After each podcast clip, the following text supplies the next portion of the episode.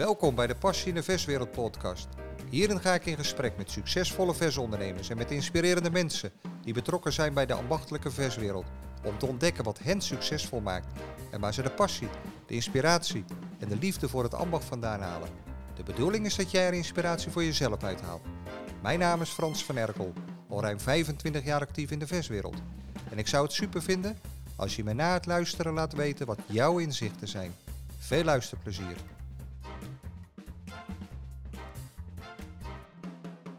Zit hier aan tafel met eh, Dominique Melis van Vleesmeester, de franchise-formule. We zitten hier in Schoonhoven op zaterdagmorgen.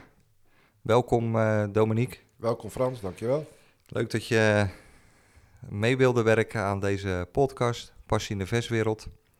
En uh, ik mag je zo even in het kort voorstellen, voor degenen die jou nog, nog niet kennen. Maar ik las ergens vanaf je veertiende ben je begonnen en dan kreeg je een soort strafbaantje op de slagersafdeling uh, bij een supermarkt. En, en had je toen al heel snel door, jongens, dit, dit is een mooi vak? Ja, strafbaantje is misschien wel een beetje groot woord. Maar ik uh, was 14 en ik werkte in die supermarkt. Ik mocht een beetje vakken vullen. En op een gegeven moment uh, mochten die jonge, die jonge lui die mochten niet meer zoveel werken. En uh, toen moest iedereen eruit. En toen zei mijn oude baas van... jou vind ik wel een goeie, jij mag blijven. Maar je mag niet meer in de winkel blijven. Je mag eerst even boodschappen gaan bezorgen. En dat vond ik wel leuk. Maar daar verdiende ik ook heel veel mee. Dan kreeg ik fooi en dat was veel meer. Dus het was eigenlijk wel niet vervelend voor mij. Maar ja, toen werd ik wel wat ouder, toen werd ik 15. Toen zei ik, ja, dan ga je weer terug de winkel in, want dan mag het weer. Ja, ik zei, dat wil ik eigenlijk niet, want ik verdien daar veel meer.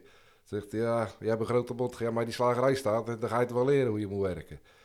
En eigenlijk begon ik het toen ook hartstikke leuk te vinden, want dat vond ik nog leuker dan die andere dingen. Ja. En toen ik eenmaal wat ouder werd daar, toen dacht ik, ja, buiten dat ik het gewoon leuk vond, school vond ik niet leuk, weet je. Ik zat op de HAVO en huiswerk stil, in, in de klas, in je mond houden. Ik dacht, ja, ik kan me niet voorstellen dat ik dadelijk op een kantoor werk en dat ik helemaal niks kan doen de hele dag. Dus ja, ik, wilde, ik vond dat vak gewoon mooi. Je had toen nog wel een beetje aanzien. En je had, uh, ja, je was de slager en mensen kwamen in de winkel. En dat was natuurlijk toen nog een beetje witte jassen, bloed, stoer. En, uh, ja, ik vond dat mooi. En ja, toen ik wat ouder werd, toen dacht ik, uh, buiten dat ik dit gewoon een mooi vak vind. En niet iedereen kent dat worden, want je moet er toch wel hoop voor leren. Ja, eigenlijk zal die slagers eind 40, 50, de over 20 jaar zijn er niet zoveel meer. Nee. Dus dan heb je veel minder concurrentie. En misschien okay. dat dat al een beetje ondernemerschap was op die ja, leeftijd ja. achteraf. Maar toen dacht ik dat inderdaad wel. Dacht ik, ja, ik kan dus wel zeggen uitstervend beroep, maar daar zag ik de voordelen wel van. Oké, okay, dus ja, inderdaad, de ondernemersgeest zat er dan al in. Uh, ja, misschien Vooruitziende blik. hey, en het stukje voor, nou, uh, vanaf die supermarkt en op een gegeven moment heb je je, je eerste winkel in Ridderkerk, als ik het wel heb. Klopt. En wat zit daar dan nog tussen? Daartussen? Toen heb ik eigenlijk, uh, ik heb bij een keurslager wel het hele vak geleerd. Dus ik heb ook op SVO alle opleidingen gedaan. Ik heb de worstmakerij gedaan, ik heb alles gedaan. Vond ik ook super mooi. Toen was ik 21. Toen maakte, ben ik bij Jumbo gaan werken. Die gingen toen eigenlijk uitbreiden van uh, die paar winkels die ze hadden. In één keer uh, dat ze al die ketens overnamen. Dat vond ik dan ook een leuke uitdaging. Want toen gingen ze voor het eerst Rotterdam. En ja, toen was ik 21, werd ik chef slager van de grootste supermarkt van Nederland klinkt wel stoer, maar daar ben je natuurlijk ook op je plaat gegaan. Want als je jong bent, dan, weer, dan moet je veel leren. Ja. Maar eigenlijk is heel mijn carrière zo geweest. Ik heb altijd geleerd door te vallen. En doordat ik vroeg dat soort dingen gedaan heb, heb ik wel veel geleerd. En in de supermarkten heb ik daarna ook veel geleerd. Want daar veel meer cijfers. Dat is een goede basis, hè, een supermarkt. Uh, dat, dat hoor ik wel meer. Ja, dus aan de ene kant heb ik het vak goed geleerd. En aan de andere kant heb ik daar wel echt het leren managen en ja, cijfermatig. Ja. En anders leren denken. Ja. En je nog steeds profijt van? Uh, Zeker, daar ja. heb ik heel veel van geleerd. Ja, ja. Hey, en dan na een aantal omzwervingen kom je in Hilgersberg uh, terecht en uh, begin je eigenlijk met de formule vleesmeester. Ik weet niet of dat bij de eerste winkel al in je gedachten zat dat je er meerdere wilde hebben. Nee, eigenlijk nog niet eens. Nee. Nee. eigenlijk nog niet eens. Nee. Nee. nee. Ik zat toen bij de, ik kwam bij de andere formule vandaan. Ik had het daar gehad. Ik was een beetje op. En ik, uh, ik ging gewoon zelf verder. En ik dacht, ik zie wel wat er gebeurt. En eigenlijk dacht ik toen, ik heb daar een winkel, ik heb een goede winkel. En ik zie wel wat er gebeurt. Maar door de ervaringen die je dan opgedaan hebt, is het eigenlijk een beetje in je schoot geworpen. Ja, ja. Want er komen mensen, ja, ga je het nou zelf doen, ga je dit doen? En dan komen leveranciers, ja, maar we willen je helpen. En ja. ja dan op een gegeven moment denk je, ja, als ik nou nee zeg, is het voor altijd nee. En heb ik er elke dag in gezeten van, we zien wel. En eigenlijk nog steeds. Ja, ja want het nu, gaat zoals het gaat. nu zit je op eh, een winkel of elf? Elf winkels, ja. Ja, ja. Ja, nou goed. En dan eh, eh, ja, las ik ergens dat je door wil stoten eh, naar, de, naar de 100. Maar, dan, maar, dan maar dat las ik ergens. Maar dan in een periode of in een tijd dat, eh, dat vlees toch wat minder populair is. Hè, of dat, dat bepaalde partijen van alles eraan doen om het minder populair te maken. En daarnaast zitten we natuurlijk met een groot probleem eh, personeel. Hoe, hoe, hoe zie je dat dan? Eh? Nou, om eerst op het eerste terug te komen, dat vind ik wel mooi eigenlijk.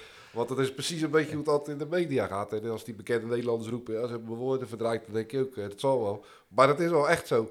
Want dan vragen ze iets en dan geef ik antwoord. Maar ik heb het zelf nooit zo geformuleerd van, ik wil 100 winkels hebben. Maar ik heb gezegd, ik de- dan vragen ze, ja, hoeveel, hoeveel groter wil je worden? Ja, ik heb geen ambitie hoe groot ik wil worden, ik wil gewoon de beste worden. Dus je kan eh, 200 kleine winkeltjes hebben of 50 hele goede. Ja, ik Ja. kies liever voor die 50 hele goede, omdat ik de beste wil wezen. Dat is ook mijn ambitie, de beste wezen. En hoe groot het dan wordt, dat maakt me helemaal niet uit. Maar dan zeggen ze bijvoorbeeld, wel, ja, ja, maar hoeveel ruimte zou er dan zijn? Ja, de- ik denk dat daar ruimte voor zou zijn voor 100 winkels. Ook gezien mijn leeftijd. Ik ben 36, ik moet nog 30 jaar werken, dat zijn drie winkels per jaar. Ja, Ja, maar ik heb Vandaar nooit gezegd dat dat 100. mijn ambitie is. Nee, ik denk dat die ruimte er zit. Het is ook niet eh, een, een doelstelling, hè? want vanaf jongs af aan heb je bepaalde dromen. Hè? En dat, dat kan dus zijn de droom van 100 winkels. Maar bij het ouder worden eh, eh, heb je doelstellingen. Eh, zijn doelstellingen belangrijker dan dromen of heb je beide nodig? Ik denk dat je allebei nodig hebt. Want je dromen zijn een soort je drijfveer. Dus als ik nou zou zeggen, ik ben er al, dan zou ik ook niet meer met passie aan het werk gaan. Want dan denk ik 36, denk ik, ga mijn tijd uitzingen tot ik 60 ben en dan vind ik het prima. Ja, Dus uiteindelijk is niet dat je altijd meer wil, maar ik wil de uitdaging houden. ja. Dat is voor mij het belangrijkste. ja, dat zijn die dromen.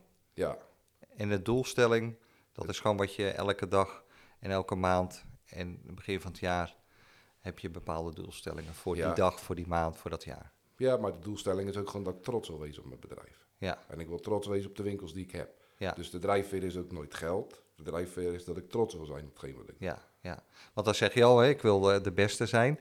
Eh, ik las dan ook, de- jullie doen eh, geen concessies aan kwaliteit en versheid. Dus eh, met geen antibiotica, groeihormonen, eigen koeien, varkens, eigen worstmakerij. Dat moet je wel hebben op die manier om de beste te kunnen zijn of worden?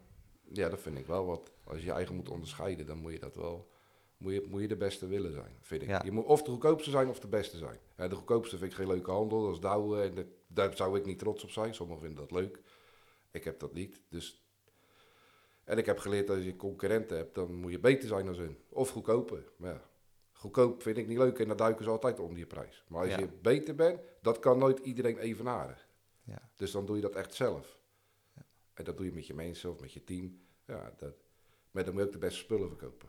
Ja. Dus ook onze winkels, die pakken wel de inkoopvoordeel. Maar dat is niet inkoopvoordeel omdat wij partijen opkopen of goedkope handel of weet ik het. Wij willen alleen maar goede spullen verkopen. Ja, en daarom heb je ook eigen koeien en varkens. Hoe moet ik dat zien? Ja, we zijn nou met een paar boerderijen bezig die echt alleen maar beesten voor ons wegzetten. Dat we gewoon transparant verhaal hebben naar die klant. Daar staan ze. Dus je kan Ja. hele verhalen hebben met varkens. De, ja, we halen de staarten niet meer af, dit en dat. eh. En dan zit die klant eigenlijk niet te wachten. Ik denk dat het veel transparant is dat je zegt, daar staan ze, that's it. Ja, Wil je gaan kijken? Ga maar kijken. en Ja. Die, die, die storytelling is dan ontzettend belangrijk. Ik denk, dat, communiceren naar die kant, want daar, daar valt of staat het dan. ik denk dat dat het belangrijkste is. Ja, En ik denk dat dat ook voor de mensen die bij je werken zo is. Want die, die hebben geen zin om hele verhaaltjes uit hun hoofd te gaan leren. Nee. dat wordt alleen maar moeilijk. ja, Dus je maakt het voor iedereen makkelijker. Ja. En die vinden dat ook leuk. En die keer daarmee naartoe nemen, de het laten zien. En zeggen, ze- die vinden dat fantastisch en die gaan dat vertellen tegen die klanten. En ik denk dat die klanten bij ons komen uit vertrouwen. Dat vind ik ook trouwens een van de belangrijkste dingen. Dat is richting mijn winkels, maar dat is ook richting je klanten. Je moet je, ze moeten jou kunnen vertrouwen. Ja. En ik, dan is storytelling daar wel belangrijk in. Ja. ja. Hey, en hoe doe je dat in, eh, in je winkels? Eh, het communiceren van waar eh, de dieren vandaan komen? Ja, dat gebeurt nu vooral op de schermen in de winkels. We gaan daar dit jaar in de marketing ook wel wat meer mee doen. Omdat we dat al eerst echt helemaal goed voor elkaar wilden hebben. En dan gaan we daar wel wat meer mee naar buiten treden inderdaad. En misschien ook soms eh, dingen met klanten gaan organiseren dat we dat gaan doen. Ja, ja.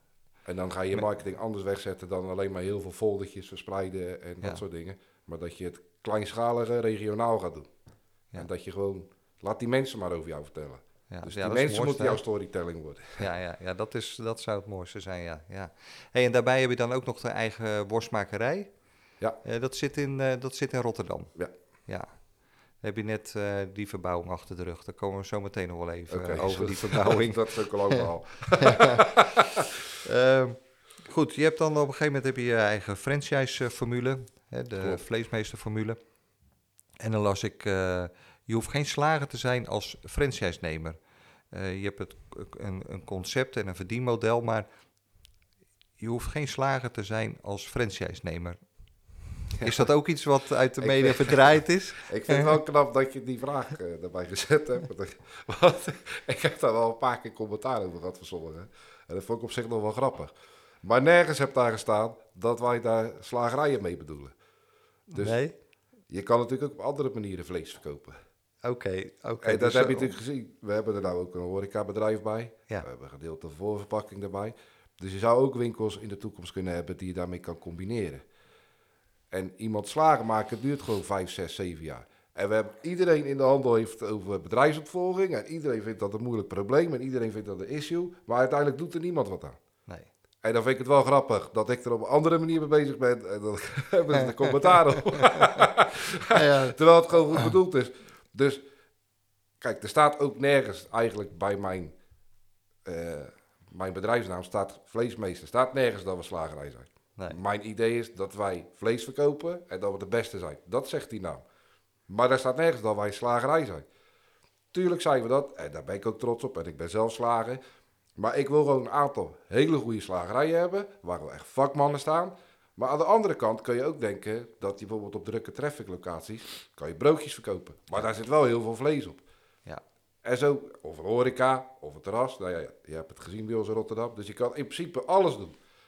Dus misschien gaan we wel winkels openen wat geen slagerijen zijn. Maar dat zegt niet dat we geen vlees verkopen en geen goed vlees. Nee, want dat is toch hetzelfde. Ja, oké. maar dus- dan heb je wel dat de slagerijen overgenomen kunnen worden. Want er zijn wel locaties waar nu vlees verkocht wordt.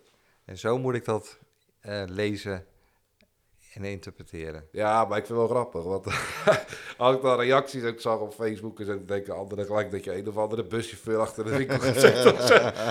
Terwijl ik denk, als je het gewoon aan mij vraagt... dan kan je het misschien... oh, Dan kan ik het vertellen. En dan denk je, oh, nou, dat is niet zo'n gek idee. Ja, En misschien wordt er niks, dat weet ik niet. Maar ik wil me wel wat proberen. Niemand Ja. probeert wat. Nee. Ik wil wat proberen. mooi man. Hey, en dan eh, eh, zijn jullie ook denk ik sterk in, eh, eh, in de formule met het ontzorgen van de, van de ondernemer. Daar gaan jullie best wel ver in. Ja, dat is echt ons paradeplaatje. Ja, vertel daar eens wat over. Nou, dat is eigenlijk natuurlijk een beetje vanaf het begin. Als je... Wat ik altijd gedaan heb en waar ik goed in ben, dat is ondernemers helpen. En dat zorgen dat het cijfermatig goed gaat, dat ze meer verdienen. En dat, dat vind ik leuk. Alleen op het moment dat ik ga zeggen, dat ga ik voor mezelf doen. Wie wil dat? Degene die al geld verdienen, die zeggen, ik heb jou helemaal niet nodig. En degene die geen geld verdienen, die zeggen, "Ik- heb jou nodig, maar ik kan jou niet betalen. Dus dat wordt hem niet. Dus ik geloof er alleen maar in als je een totaalconcept aanbiedt. Maar dan heb je weer hetzelfde. Dan wil ik wel de beste zijn. Ja. Maar dat kan alleen maar in een totaalplaatje. En franchise, daar ben ik ben zelf altijd anti-franchise geweest. Dus dat altijd een beetje dubbel dat ik het dan ook zelf verkoop. Maar dat is het enige waar dat in kan. Want je kan alleen maar allemaal hetzelfde doen. En dat heeft er niks mee te maken dat je dan slechte ondernemers hebt. Dat heeft er niks mee te maken dat je ze de strot af wil draaien. Maar je kan alleen maar succes hebben als je allemaal hetzelfde doet. En dan, hoe meer je doet, hoe meer profijt je haalt. Ja. Dus ja, wij ontzorgen ze tot in het maximale. Proberen we. En Ja, ik denk dat wij daar meer in doen dan andere formules, ja. ja. oké. Eh, en dan, ga- dan, dan heb je, eh, nou ja, daarbij heb je die, die marketingondersteuning, eh, financieel advies of zelfs daar ondersteuning eh, in, dat je daar verder gaat dan een ander. Ja, wij doen in principe echt alles. Dus ze krijgen bij ons, ze betalen een vast bedrag per jaar. Dat is ongeveer net zoveel als wat een normale slagerij ook kwijt is aan vaste kosten. Ja, Dat is de fee-bedrag. Wij hebben geen verkoopfee, dus ze betalen geen percentage meer. Het is een vast bedrag. Dus hoe meer ze draaien, hoe meer ze eraan overhouden, that's it. met minder werk. Veel Uiteindelijk minder werk. veel uit handen nemen. En daar zit gewoon, daar zit alles in. Er zit de accountant in, Daar zit de benchmarking in. Daar zitten onze kassasystemen in die we leveren. Dus ze hebben altijd nieuwe kassasystemen. Ze krijgen pinautomaten. Eh, de automatisering zit erin. De website, alles wat daarbij hoort met mailadressen, narrowcasting, uh, volgnummersystemen, extranet. Er zitten klantmailings in. Uh, het klantkaartsysteem, cadeaukaartensysteem. Gedeelte social media ondersteuning. En we doen nog wat andere marketingactiviteiten. En dan nog de barbecue folder, kerstfolder en allemaal dat soort spullen. Ja, dus een compleet verhaal. Dus ze hoeven zelf steeds minder te doen. Ja, en omdat wij dat bundelen, dan krijgen ze dat goedkoper. Dus zelfs tot en met onderhoudscontract van de, van de koelingen, alles zit erin. Alles wat je nodig hebt om zaak te draaien. Maar omdat wij wel in één keer met één pakket bij iemand komen. En dat vind ik voor een leverancier ook zo netjes. Ja. Dus wij hebben niet een spaarpot van uh, betaal onze formule en daar gaan we leuke dingen van doen. Nee, als je met mij zaken doet of met ons zaken doet, dan krijg je daar ook de handen voor terug. Ja. Ja, en dat, omdat je dan altijd alles geeft en als ze vertrouwen hebben in onze groei, ja, krijgen ze er wel steeds meer bij. Ja. En met dat budget kunnen wij dan meer doen. Ja, en zo wil je ook de, de beste zijn en de beste blijven. Op die manier. Ja. Dus dat is eh, aan de kant van uh, het, het, vlees, hè, dus de, de, de kwaliteit, de openheid uh, daarin naar de consument, maar ook uh, naar je franchise-nemers, waar jullie alles verdoen ja. en het pakket bundelen. En zo kan je de beste zijn en blijven. Ja, ze moeten gewoon doen waar ze goed in zijn. Dat ze in die winkel staan en ja. verkopen. Ja. Uh, nou leg je de lat natuurlijk voor jezelf best, uh, best hoog, hè? Ja, dat, uh, dat, dat, weet ik en dat, dat komt nu ook naar boven. Mm -hmm. Maar dat verwacht je ook van anderen. Ja, ten eerste gaat dat ook niet altijd goed. Daar ben ik ook wel eerlijk in. Want als je altijd nieuwe dingen doet, iedereen die voorop loopt, die gaat een keer struikelen. Ja. dat werkt gewoon zo. Ja. Daar ben ik ook wel eerlijk in. Maar ik ben iemand die altijd gewoon uitdaging nodig heeft. Ja. Dus ik denk altijd dat het beter kan. En op het moment dat de rust komt, dan denk ik weer, ja, dan gaan we gewoon weer wat beter pakken. Wil je altijd aan denken? Altijd. Ja. Slaap je wel? Ja, dat wel. Dat is wel. Ik slaap echt wel heel goed. Ja? Maar zodra ik wakker word, gaat het, uh, gaat draaien. Gaat het draaien. Ja. Dat is wel... Uh, dat is soms leuk, soms is het ook niet leuk. Nee, nee. en inderdaad, de lat hoog leggen. Ja, soms moet ik daar ook mee afgeremd worden. Want ja. kijk, in mijn hoofd is dan al uh, prima, dat kan morgen al geregeld zijn. Maar ja, dan moet je en uh, de medewerkers die je om je heen hebt, die moet je daarin mee zien te krijgen. En in dit geval ook de ondernemers van die winkels. Ja. En ja. dat zijn natuurlijk ook ondernemers, dus die hebben ook allemaal de mening en de ding. En dat is ook terecht. Maar soms denk ik wel, hè, kan je zes stappen harder, want dan kennen we nog sneller. Ja. En daar moet ik soms de rust wel eens in nemen. Dus ja, ja, ja. daar moet eens door mensen in afgeremd worden, ja. Nee, dan ben je heel gepassioneerd, maar waar haal jij je passie vandaan, die inspiratie? Eigenlijk gewoon overal. Ik ken overal inspiratieverhalen. Als je met een andere ondernemer praat, maakt niet uit uit wat voor branche of, of, of een kok die wat moois aan het maken is, die wat uh, vertelt. Of het een leuke medewerker is ergens die uh, uh, passie hebt. Alleen voor, ik kijk vooral naar andere formules. En dat heeft niet te maken in onze branche, maar als je kijkt gewoon andere ketens, uh, hoe, dan ben ik daar wel echt wel vaak gewoon in geïnteresseerd. Hoe die en noem eens wat? Nou, als je bijvoorbeeld kijkt, die jongens van Action, die, uh, die zijn hier al lang geleden begonnen. En die zijn ja. van één winkeltje doorgegroeid naar 700. Ja, dat vind ik knap. Uh, heb je Ikea, ja, dat heb iemand in één mensenleven heeft hij dat opgebouwd. Wereldwijd. Wereldwijd weet iedereen wat dat is. En iedereen heeft daar iets van in huis. En ah, ik vind iedereen nooit zo'n prettige winkel. Dat is dan ook nog knap. Maar iedereen komt er. Ja, Ja. Dat, dat vind ik knap. En Ja. Dat je heel veel Nederlandse bedrijven hebt die dat toch wel voor elkaar krijgen. En probeer je dat dan dingetjes daaruit te pikken en te vertalen naar je eigen winkel? Ja, ja. Op die manier? Omdat het vooral ondernemerschap is en een lange visie. Verder kijken. Ja, die, Misschien die anders durven doen. Ja. Ja. Eh, langere termijn denken en zo. ja. Ja. En het, dat het ook vaak producten zijn die al bestaan. En dat het dan op een andere manier gebeurt. Ja. Dus inderdaad. Ja, En daar leer jij gewoon elke keer van. Ja, wat ik er echt van leer, weet ik niet, maar ik vind dat gewoon interessant. Ja, en Dus daar zo- krijg jij weer energie van. Ja, dus mensen durven dat anders te doen. En ik denk dat wij dat met vlees ook moeten doen. Dus Ja. zo'n Ikea bijvoorbeeld, ja, iedereen kocht meubels. Hun gaan meubels verkopen die je in elkaar moet zetten. Ja, dat is niet een verbetering, maar toch vinden mensen dat op de een of andere manier leuk. Ja. En dat gebeurt toch. Ik vind het niet zo leuk, die dingen. ik ook niet, maar het gebeurt toch. Ja. En dan bijvoorbeeld eh, eh, New York Pizza, dat bestaat ook niet zo lang. Iedereen kent dat, maar Ja, dat is in een tijd gekomen dat iedereen alleen maar Italiaanse pizza's at. En dan gaan we met Amerikaanse pizza's komen, terwijl het niet eens Amerikaans Ja. is, want het is gewoon Nederlands. Iedereen vindt het gewoon fantastisch, Ja. kan gewoon. Ja, dat is wel mooi, ja. Eh, Rituals vind ik ook een mooi bedrijf. Ze zijn ook hard gegroeid.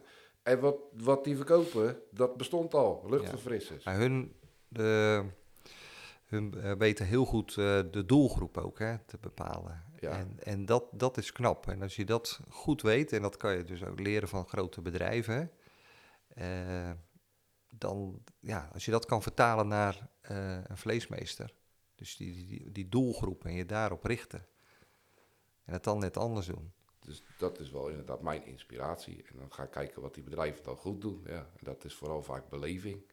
Ja, Eigenlijk komt dat terug op beleving. ja. En misschien doen wij dat wel te dat is mijn stokpaardje, sfeer en beleving. Ja, eh. ja, ja, ik weet het. Ja, ja. Dus eh, ja, prachtig woord. eh, maar het is wel zo. De beleving, ja, daar, daar, daar valt of staat het mee. En ik denk dat wij daar meer op in moeten zetten. Ja, En dat zal een soort cultuurshock voor heel veel slagers worden, of zijn, of voor de toekomstige. Omdat we eigenlijk, en daar ben ik zelf ook altijd teruggevallen, omdat je altijd aan het werk bent. En misschien moet je dat werk wat minder doen en wat meer verkopen. Ja, En wat Ja. meer praten. ja. En dan ga je denk ik makkelijker werken en dan ga, en dan ga je meer klanten krijgen.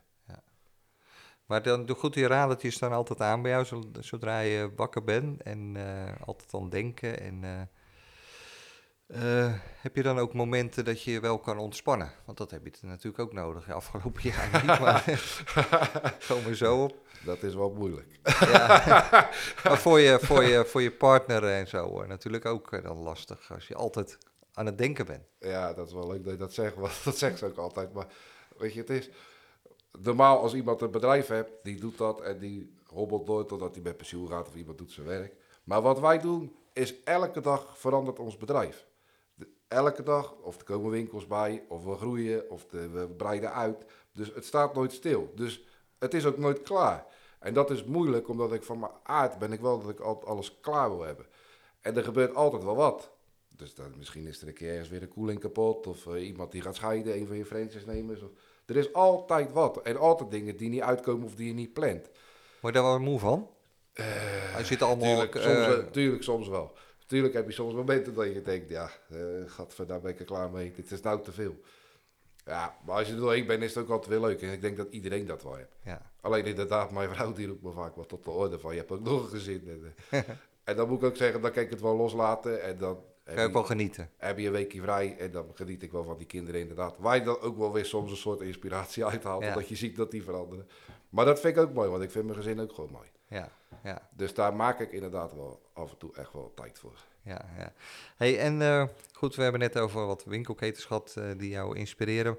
Maar is er nou een, een persoon of iets wat echt jouw grote voorbeeld is? Ja, maar dat is vaak de negatieve. Heb, ik heb van aard van vroeger eh, uit heb ik nooit gehad dat ik echt idolen had. Van ik zou zo willen worden of zo als die. Dat zou inderdaad zijn met mensen in zijn algemeenheid van ondernemers die dan inderdaad van zulke ketens en andere dingen of buitenwinkelketens die iets in een mensenleven opbouwen.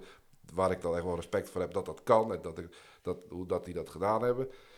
Maar eigenlijk zijn mijn voorbeelden altijd geweest hoe het niet moet. En dat, Ja. ja, dat is ook raar te zeggen natuurlijk, maar dat is wel zo. Dat waren jouw grote voorbeelden. ja, dat ik altijd heb gedacht, als ik later, dan ga ik dat niet doen. Nee.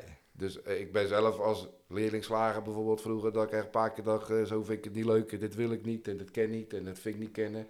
Dat heb ik zelf anders altijd gedaan. Dus dat heb mijn basis gevormd dat ik als persoon anders ben. Ja. Dus dat je, of door werkgevers belazen ben, of weet ik wat. Dat, dat ik altijd heb gedacht, als ik later mijn eigen bedrijf heb, ga ik dat nooit doen. Nee. nee. Ja, zo kan het ook iets eh, je voorbeeld zijn, ja. Hoe het niet moet. En eigenlijk zijn dat dan de voorbeelden voor mij en de drijfveer om sommige dingen anders te doen. Ja. Omdat ik denk, Ja. ik wil gewoon een eerlijk, transparant bedrijf zijn waar mensen gewoon met plezier kunnen werken. Ja. Ja, dat, vind, dat, dat, dat, dat, is, dat vind ik leuk. Ja. Hey, we hebben al een paar keer even kwam het te sprake en eh, toen gaf ik al aan, eh, we komen daar even op terug. Afgelopen jaar Ja, is een bewogen jaar geweest. ja daar heb je wel Eh, van meegekregen natuurlijk. Daar heb ik wat van meegekregen. Met weinig uren slapen en, en stress. Wat is er gebeurd, Dominique? Ja, wij zijn natuurlijk voor, eh, mm, door de groei ook wel vooral hebben besloten dat we eh, heel veel dingen zelf gingen doen. Dus, dus inderdaad de productie naar onszelf toetrekken, de transport naar onszelf toetrekken, de inkoop naar onszelf toetrekken. Ja, daar hebben we tijd zitten denken om dat te doen vanuit industrieterrein of wat anders. En toen kwam in Rotterdam, waar natuurlijk de hoofdvestiging zit, kwam het pand daarnaast vrij. Nou, qua kosten zou dat hetzelfde uitkomen. Dus toen heb ik besloten om uh, dat pand daarnaast erbij te nemen en ook vanuit daar alles te gaan doen. Zodat we nog steeds winkel, hoofdkantoor, productie, uh, distributie, alles bij elkaar zouden hebben. Daar heb je ook een mooi visitekaartje voor de formule. En daar heb ik zelf nog overal overzicht op als dat allemaal klaar is. Alleen het, het klaar zijn, dat heeft veel langer geduurd dan gedacht. En dan heb je overwacht en dan heb je met heel veel verschillende instanties te maken. Maar, ja. Wat is de leukste instantie geweest, Dominique? ja, nou, die kan ik zo wel noemen. Dat is Stedin en de gemeente Rotterdam. Als die ervoor zorgen dat je zeven, acht maanden later open gaat dan dat je gepland hebt, ja, dan uh, is dat verschrikkelijk. Ja. Hoe kom je zo'n periode door? Uh, Als de rest allemaal door moet draaien? Je moet. Alleen het houdt wel heel veel op. Dus je maakt een planning voor jezelf. En dat heeft weer te maken met dat je net zegt van... Uh, ja, heb je wel rust en de lat hoog leggen, bla bla. Dus je denkt natuurlijk, uh, ja, oké, okay, uh, juni zijn we klaar. In een zomervakantie gaan er een paar mensen op vakantie, kan je rustig opstarten. In september gaan we vol gas geven. Dan ga je daarna de kerst in en dan vanaf januari ben je helemaal gezet en dan kun je verder. Ja, dan houdt dat op en dan zie je dat ja, alles loopt dat in elkaar. Dus je hebt mensen aangenomen, spullen die niet leverbaar zijn, wat met corona te maken heeft. Maar het heeft ook op je hele bedrijfsvoering te lang impact dat dat is rommel en het is verbouwen. En negatieve energie. Negatieve energie. En dat duurt ook te lang eigenlijk voor je mensen die je in dienst hebben. Zo, wat je wil verder. En ik heb die positieve energie en die wil ik graag. Maar dat duurt het te lang. En dan, mensen worden daar ook gek van. Ja, hoe hou je dan de rust binnen je bedrijf? Ja, door toch soms te proberen zoveel mogelijk te praten. En soms ook maar zeggen, het is niet anders. Nee. En dat is soms wel moeilijk. En uh, ja, het is ook zo, bedrijven die groter worden, daar sneuvelen ook wel eens mensen. Dus dat is ook niet zo heel raar dat dat al gebeurt. Dat heeft op zich ook nog wel meegevallen, maar ja, je moet, je moet, en dat probeer ik zo ook altijd wel duidelijk te maken. Maar je moet er, daarbij moet je ook uh, lichamelijk door, terwijl dat je natuurlijk heel weinig slaap hebt. Je hebt uh, stress, dus dat, dat, dat doet geen goed. En toch, het ene is sterker dan de andere, maar uh, je moet wel door. Je bent natuurlijk, ja. ja. als jij wegvalt, dan is het probleem helemaal groot. Ja, ik, ik, denk niet dat ik het persoon ben die heel snel in elkaar stort. Ik heb wel geleerd door de jaren heen. Ik heb zoveel tegenslagen gehad. En wat ik net zei, ik heb altijd geleerd door te vallen. Dus, en op jonge leeftijd al. Want ik heb alles op jonge leeftijd gedaan. Dus ik denk dat ja, ik heb, het grootste wat ik heb geleerd is gewoon, als dingen tegen zitten waar je niks aan kan doen, moet je er ook gewoon geen tijd en energie meer in steken. Dus ja, je kan elke dag de gemeente bellen, je kan elke dag uh, vragen of dat je stroom kan krijgen, maar ja, als ze dat niet doen, dan moet ik er ook geen slapeloze nachten van hebben. En dan ga ik in ieder geval verder met hetgeen wat wel kan. Ja, dat is de kracht dan, om door te gaan.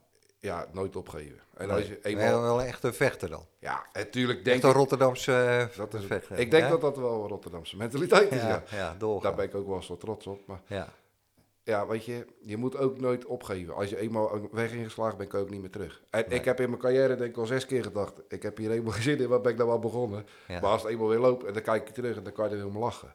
Ja. En dat heeft ook te maken met de lat. Kan je dat nu een beetje? Na afgelopen jaar of zeg je nog niet helemaal? Ja, toevallig zei ik vorige week wel uh, tegen iedereen, eindelijk begint er een beetje rust te komen en begint het allemaal een beetje te lopen en te draaien zoals dat je in gedachten had. Alleen dat neemt achteraf toch meer impact op als dat je had gedacht. Maar ergens vind ik de uitdaging van tevoren altijd wel leuk om in het diepe te springen. Ja. ja, dan denk je daarna weer, waar ben ik aan begonnen en het lopen niet naar je zin. Maar ja, aan de andere kant is er ook een hoop overmacht. Ja, ja dat was er natuurlijk. En daar kun je voor niks aan doen. Nee. Hey, want uh, je bent er natuurlijk, uh, na dat pand wat ernaast kwam, uh, een horecagelegenheid. Ja. Vertel er eens iets over, combinatie slagerij, horecagelegenheid. Niet, komt niet heel veel voor. Nee, klopt. En dat is eigenlijk ook een beetje met toeval geboren. Want ja, we wilden die productie doen, we wilden die distributie doen. Nou, het zijn natuurlijk twee verdiepingen, dus we hebben 150 meter productie. Distributie is boven ongeveer 60 eh, vierkante meter. En toen, uh, ja, toen hielden we eigenlijk nog een winkelpand over. Toen dacht ik, ja, wat ga ik daarmee doen? Ga ik dat... We, hebben nog een aantal winkels die broodjes verkopen en zo. Ik denk, dan moeten we gewoon zorgen dat we dat broodjesconcept zo goed gaan uitrollen. En dan dan hebben we dat voorbeeld. En of ik dat wel of niet ga verkopen, dat geeft niet. Maar daar heb ik een paradeplaatje en dan kunnen we laten zien wat we als formule allemaal kunnen. En toen kwam ik de gemeente Rotterdam. Die zei, ja, je wil uh, gaan beginnen. Maar wat ga je eigenlijk doen? Ik zeg, hoef niet zo bijzonder. Als je een paar uh, tafeltjes, uh, picknickbankjes buiten mag zetten of zo, dan vind ik het goed. Zei ze, ja, waarvoor neem je niet gewoon een volledige horecavergunning? Want we hebben er nog één vrij en eh, die, mag jij die hebben. En dan ik weet zelf, ja, het wordt nou in mijn schoot geworpen, dus dan moet ik dat doen ook. Maar ja, dat was ook onderdeel van de vertraging, want dan ga je alle tekeningen die gemaakt waren, zo, die moesten allemaal weer opnieuw gemaakt worden, want dan krijg je weer heel wat anders. En inderdaad, dan krijg je weer met andere mensen te maken. Ik kom in de horecawereld terecht. En alleen ik vond de combinatie leuk. Dus of het echt een succes wordt, dat maakt me niet uit. Dat is het tot nu toe wat ik gezien heb, gaat het tot heus wel worden.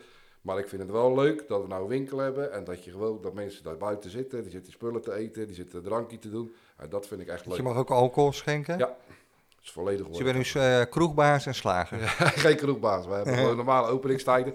Dus een kroeg is meer, je, je, je gaat daar drinken en je neemt wat te eten. Bij ons moet het zijn, je, neemt, je gaat, komt bij ons om wat te eten en je neemt ook gezellig wat te drinken. En dat is een beetje, ja. beetje het idee erachter. Ja. En dat, dat slaat wel aan, want iedereen vindt het echt leuk. En het is leuk om, als we nou mensen ontvangen die ook uh, interesse in de formule hebben, dan gaat hij buiten zitten en dan kun je even op het terras zitten. Ja, ja, want het terras is aardig groot, hè? Hoeveel zitplaatsen uh, uh, als de corona er niet is? 120 zitplaatsen. Ja. Dus dat is, wel dat is aardig wat, ja. En dat, dat, je hebt wel het gevoel, je hebt natuurlijk, uh, ja, je ging te laat open, dus met mooie weer uh, was je niet, uh, niet open. Maar je hebt wel één moment gehad dat, dat, dat het wel zo was, geloof ik. Ja, hadden één weekje wel aardig weer. en toen hebben we inderdaad ook gelijk een hele goede week gedraaid. En de mensen komen dan gewoon heel Gesberg gewoon zitten, ja, een wijntje. En die vinden dat gezellig, dus je hebt ook nog een soort buurtfunctie. En mensen vinden, maar je ziet ook mensen die aan het werk zijn, die daar komen zitten. Je ziet uh, s'morgens mensen die een bak koffie komen drinken. Maar eigenlijk, als we het net hebben over een stukje beleving, is dat eigenlijk wel de combinatie ja. die het helemaal fantastisch maakt. Ja. Dus als ik ook te denken aan de zomer en zo, ja. Zet de barbecue buiten, mensen kunnen binnen in de toonbank uitzoeken wat ze willen eten. En dan gooi je op de barbecue en dan gaan we klaarmaken en dan kun je dat eten buiten. Ja, dat is beleving wat je nergens ja. krijgt en dat ken in geen enkel restaurant. Dat is niet dat ik een van de restaurant wil zijn en dat het mee wil concurreren. Maar ik wil dat het gewoon leuk is om naar onze winkels toe te komen. Dus ook in geen slagerij die dat heeft op deze manier, denk ik nog. Dat denk ik ook niet. Want voor mij had ze tegen mij gezegd dat, dat ik toen de eerste slager was die ze sociale hygiëne diploma gehaald had. Dus voor mij... Uh...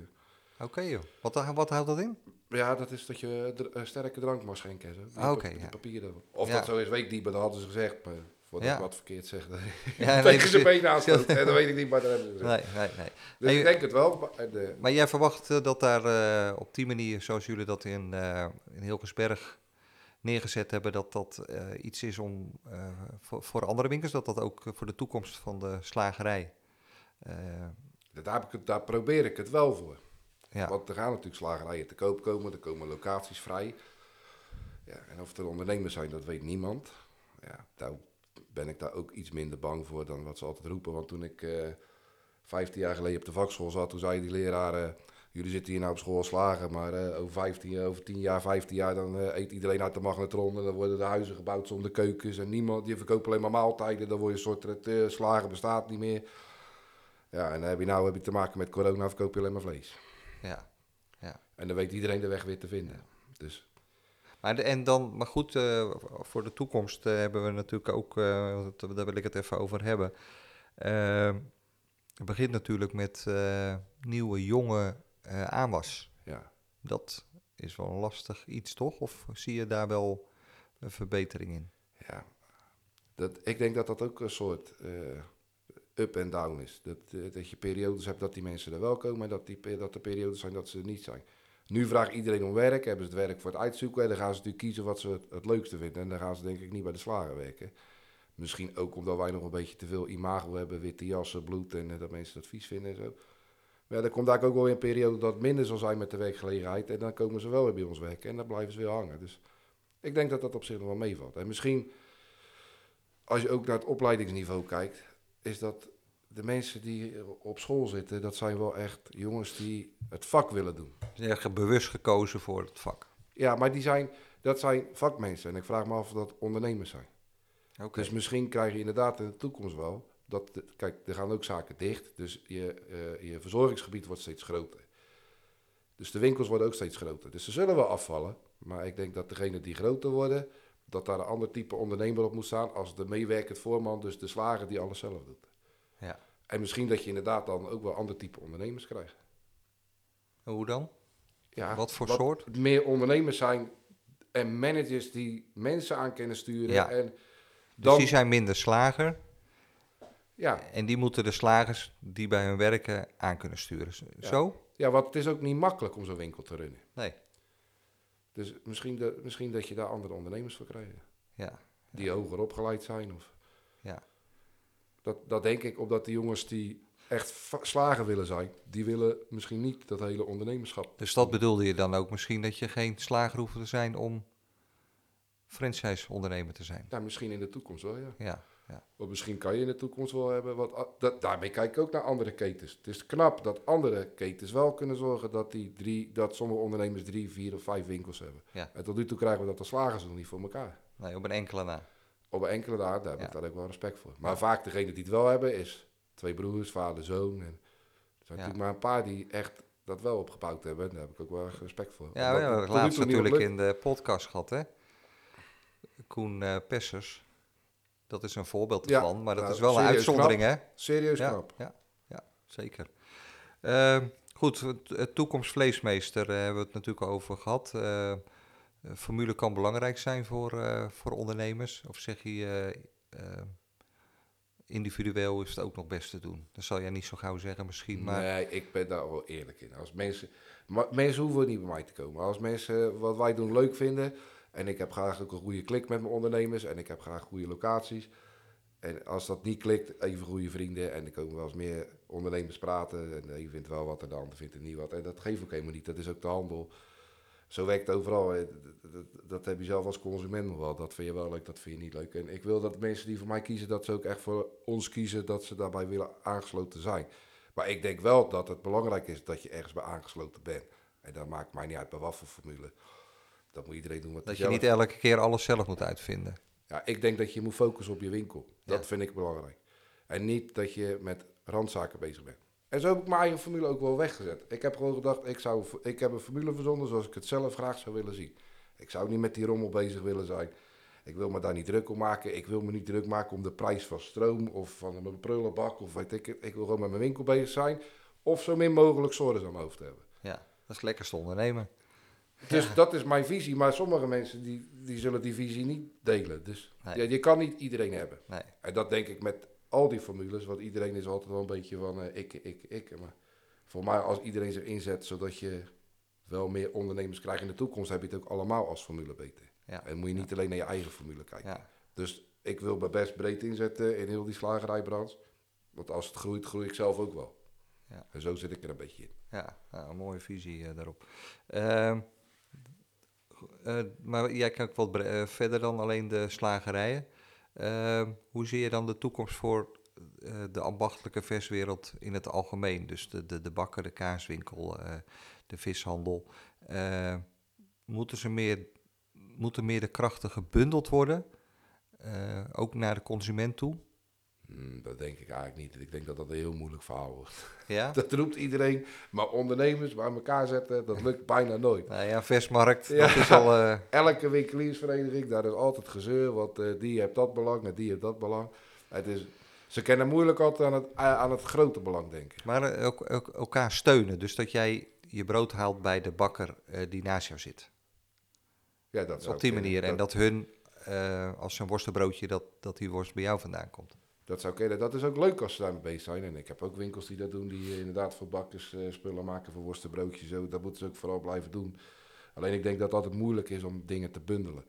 En dat zie je ook met een versmarkt. Dat is ook leuk. Dat zijn goede opzetten en dat loopt soms ook wel. Maar als er één failliet gaat of met pensioen gaat, dan heb je ook een probleem. Ja. Dus het is moeilijk om sommigen zien daar echt het enorme belang van in, in de toekomst. En jij hebt dat toch iets minder.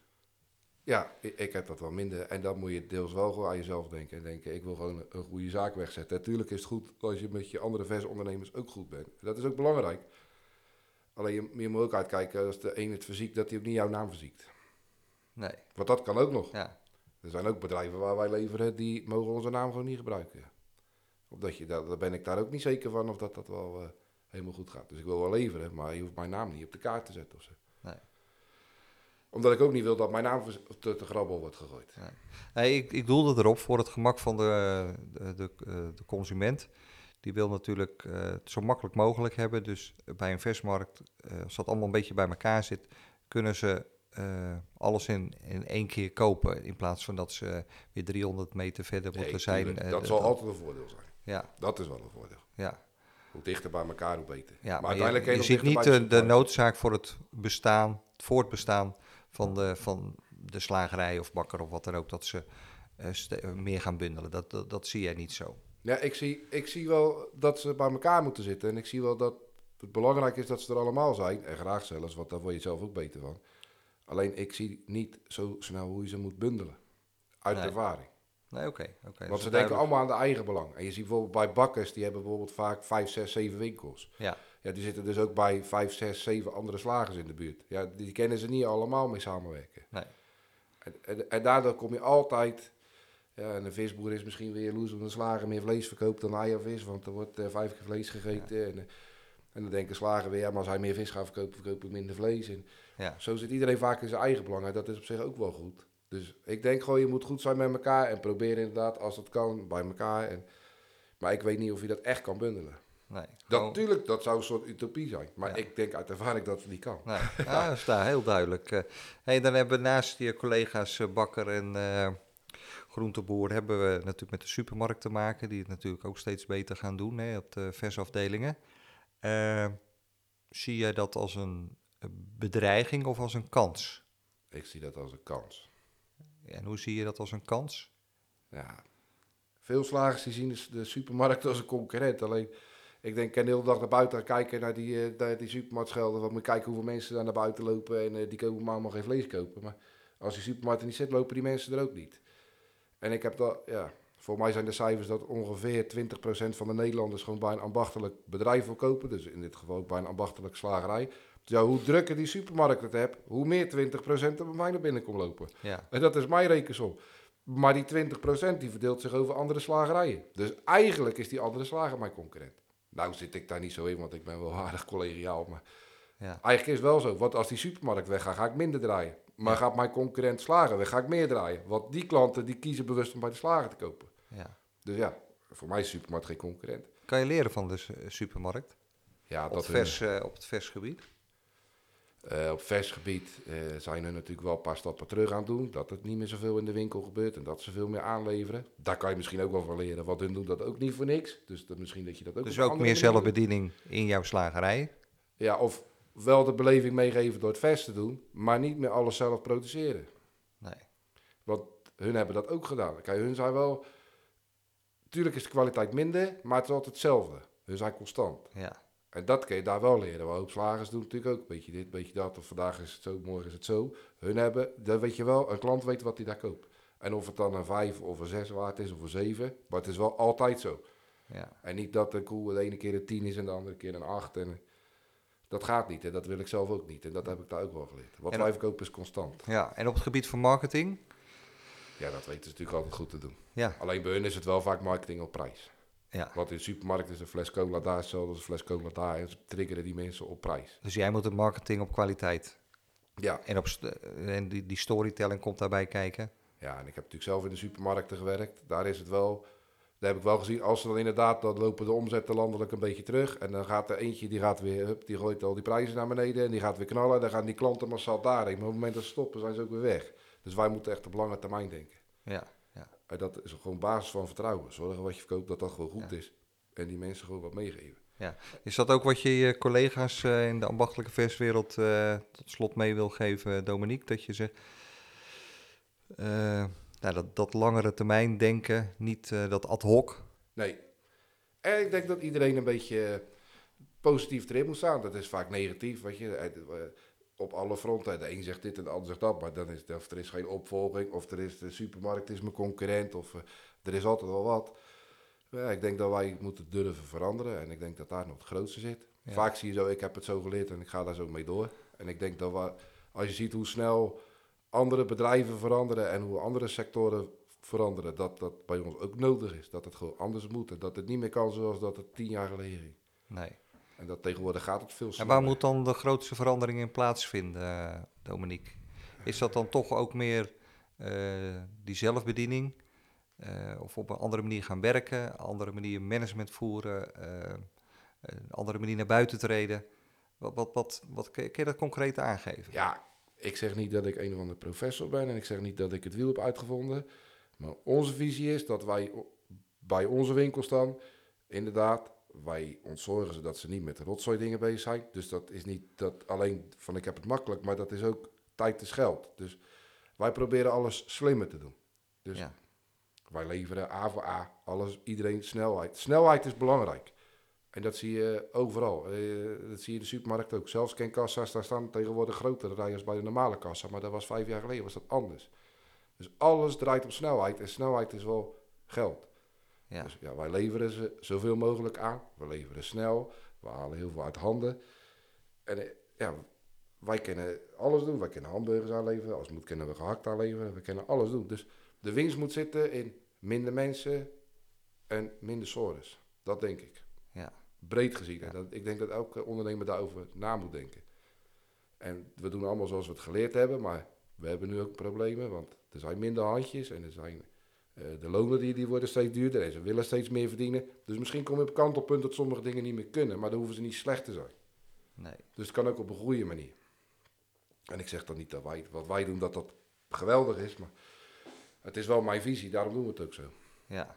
ja. Dus jij ziet zeker toekomst de ambachtelijke verswereld. Zeker. Ja. Alleen ik denk dat je eh, op alle fronten binnen je bedrijf moet je kijken. Als je, als je dus heel veel zelf doet en je dat dat bijvoorbeeld in, in steden en zo is dat niet meer mogelijk. Want de huurprijzen die, die zijn gigantisch hoog geworden. Je moet heel veel personeel hebben wat er bijna niet meer is. En uiteindelijk ligt de winst in de verkoop en niet in het maken van dingen.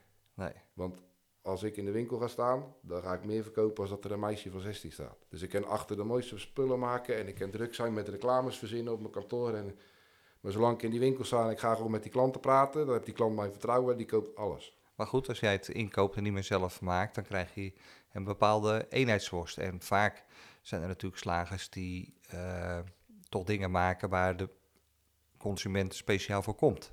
Ja, maar kies er dan gewoon een paar uit wat echt jouw trekkers zijn.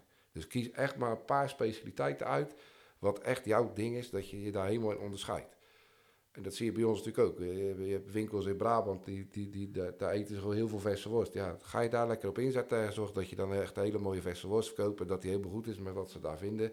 En de rest gewoon inkopen. Ja, en dan heb je een winkel in IJmuiden, daar verkopen ze 200 kilo paardenworst per week. Ja, dat doen we bij de rest ook niet doen. Maar ga je dan inzetten op dat soort dingen, dat je daar goed in bent.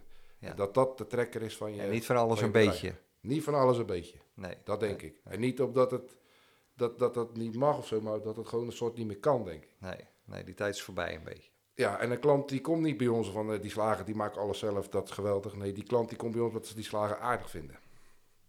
Dat is het. En dat ze die slager een, een goede vakman vinden. Maar als ze hem niet zien en ze kunnen niet met hem praten, Nee. of hij geeft ze geen aandacht, dan vinden ze hem ook niet zo aardig meer. Dus je moet het gezicht van die slagerij zijn. Juist. Ja. En ik denk dat dat ook bij- onze formule is dat nog steeds het belangrijkste. Dat gewoon degene die die zaak runt, dat die gewoon laat zien wie die is. En dat die er gewoon is en dat die ervoor staat en dat die enthousiasme heeft. En ik denk dat daar, dat daar de winst in zit. Dus het is altijd een soort samenspel, denk ik, Ja, binnen onze formule. ja. Nou, dat is een mooi slot. Eh, je hebt eh, een goede inkijk gegeven in de formule Vleesmeester. Eh, jouw visie. Maar je hebt ook veel toch meegegeven voor de versondernemer. Nou, En daar wil ik je heel hartelijk voor bedanken op deze zaterdagmorgen. en eh, nou, leuk dat je hier wilde zijn, dat je zoveel wilde delen. En eh, ik hoop dat je een wat rustiger jaar krijgt dan afgelopen jaar. Ik voel me wel wat rustiger, dat Ja, sowieso. ja, En eh, ik wil jou ook bedanken dat jij mij dat eh, hebt laten vertellen. Want ik, Ja. vind dat, ik heb dat natuurlijk al een paar keer tegen gezegd, want ik weet al een paar maanden dat ik hier moet gaan zitten. Maar ik vind het serieus leuk wat jij doet. Dat jij, je hebt ook je bedrijf, je hebt het ook druk. Dat je gewoon je tijd maakt om iedereen dat platform te geven. Ik weet niet of je er wat beter van wordt en zo, maar... tot nu Ik toe denk eh, kost het heel veel tijd. Ja, Maar ik, weet vind het je- natuurlijk ook leuk om te doen. ik weet niet of je er een schaaltje of eh, groen of Nee, weet weet ik wat ik meer van gaat verkopen. Nee. Maar, Maar ik heb wel liefde voor die ambachtelijke verswereld, omdat ik daar al 27 jaar in zit. En, en ja, ik vind het mooi om verhalen te, te horen. En eh, daardoor raak ik ook weer geïnspireerd. En eh, ja, weet je, ehm, het gaat mij ook om, om die markt. Hè. Ik moet daarvan leven. Maar ja, zo'n podcast is natuurlijk een platform geven. En eh, ja, of ik daar beter van word, dat, dat weet ik niet. Dat was ook niet mijn insteek. Nee, hè. dus mooi. dat, eh, zo, zo zijn we erin gegaan. En, maar mooi dat je zoveel wilde delen. En nou, we komen elkaar wel tegen. Wat is volgende wat je gaat doen? Een talkshow? ja, wie weet. oh, ja, snap je wel. Die hebben ook uitdaging jou, hè? Misschien word, ik wel, misschien word ik wel gevraagd bij de televisie. Maar ja, of je daar nou wil werken, dat weet ik niet. Nu. dus, er zijn misschien al wel programma's zoals ze mensen verzoeken. Maar, Er komen wel wat. Vrij ook, ja, precies. Dus eh, wie weet, eh Dominique. In ieder geval super bedankt. goed. Ja, Frans, top. Oké, hè. waar. Dankjewel. Super dat je weer luisterde naar deze podcast. Het is eenvoudig om een review achter te laten als reactie op deze aflevering. Ga naar je podcast-app en klik op reviews en laat bijvoorbeeld 5 sterren achter. En wil je in het vervolg alle afleveringen overzichtelijk onder elkaar? Abonneer je dan op deze podcast. Klik in de podcast-app op bijvoorbeeld iTunes of Spotify op de button subscribe of abonneren en je ontvangt automatisch een bericht als er een nieuwe aflevering verschijnt. Ik kijk er naar uit om berichten te ontvangen met vragen en suggesties. En wellicht wil je iemand geïnterviewd hebben of heb je input voor een solo-aflevering? Laat het me weten via een connectie op social media of stuur een e-mail naar franzetvanerkel.nl. Graag tot de volgende aflevering.